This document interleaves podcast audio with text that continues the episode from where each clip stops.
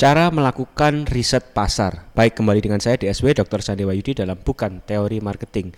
Ada tiga metode riset pasar yang kantor kami sering pakai ya untuk membantu klien. Saya akan bagi menjadi tiga part.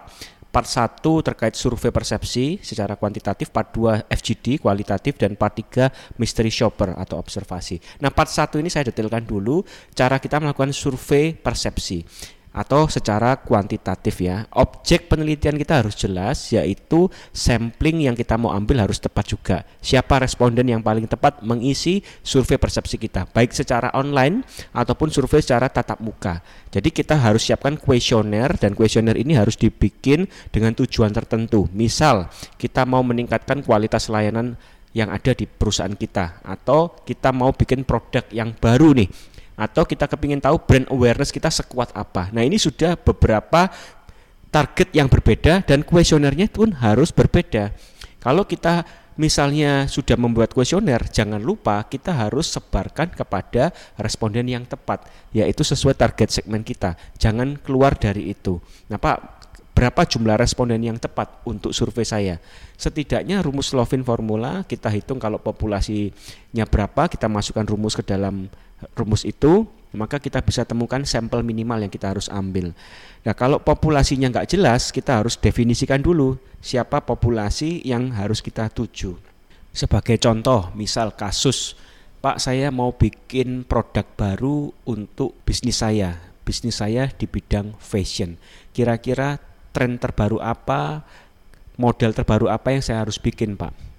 Kalau misalnya pertanyaan itu muncul, saya akan jawab, oke, okay, yang butuh fashion ini umur berapa? Siapa target segmen Anda di usia di bawah 20 kah, 20 30 kah atau mungkin di atas 70 tahun?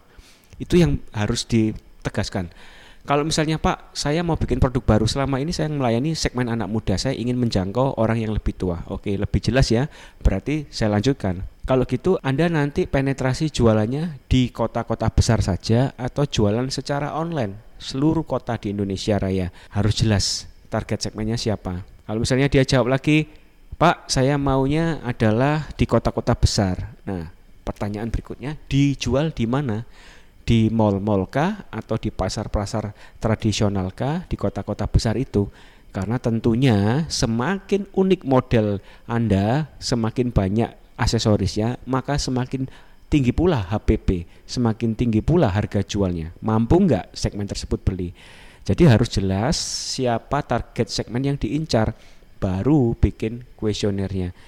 Artinya kalau kita nggak jelas siapa target segmen kita mau bikin apa riset ini tujuannya untuk apa, maka sebaiknya ditunda dulu. Demikian dari saya, semoga menjawab survei persepsi perlu kita lakukan setidaknya setahun sekali supaya kita bisa tahu ke mana arah bisnis kita, kita bisa tahu positioning produk yang kita jual seperti apa, dan kita bisa terus mengembangkan perusahaan.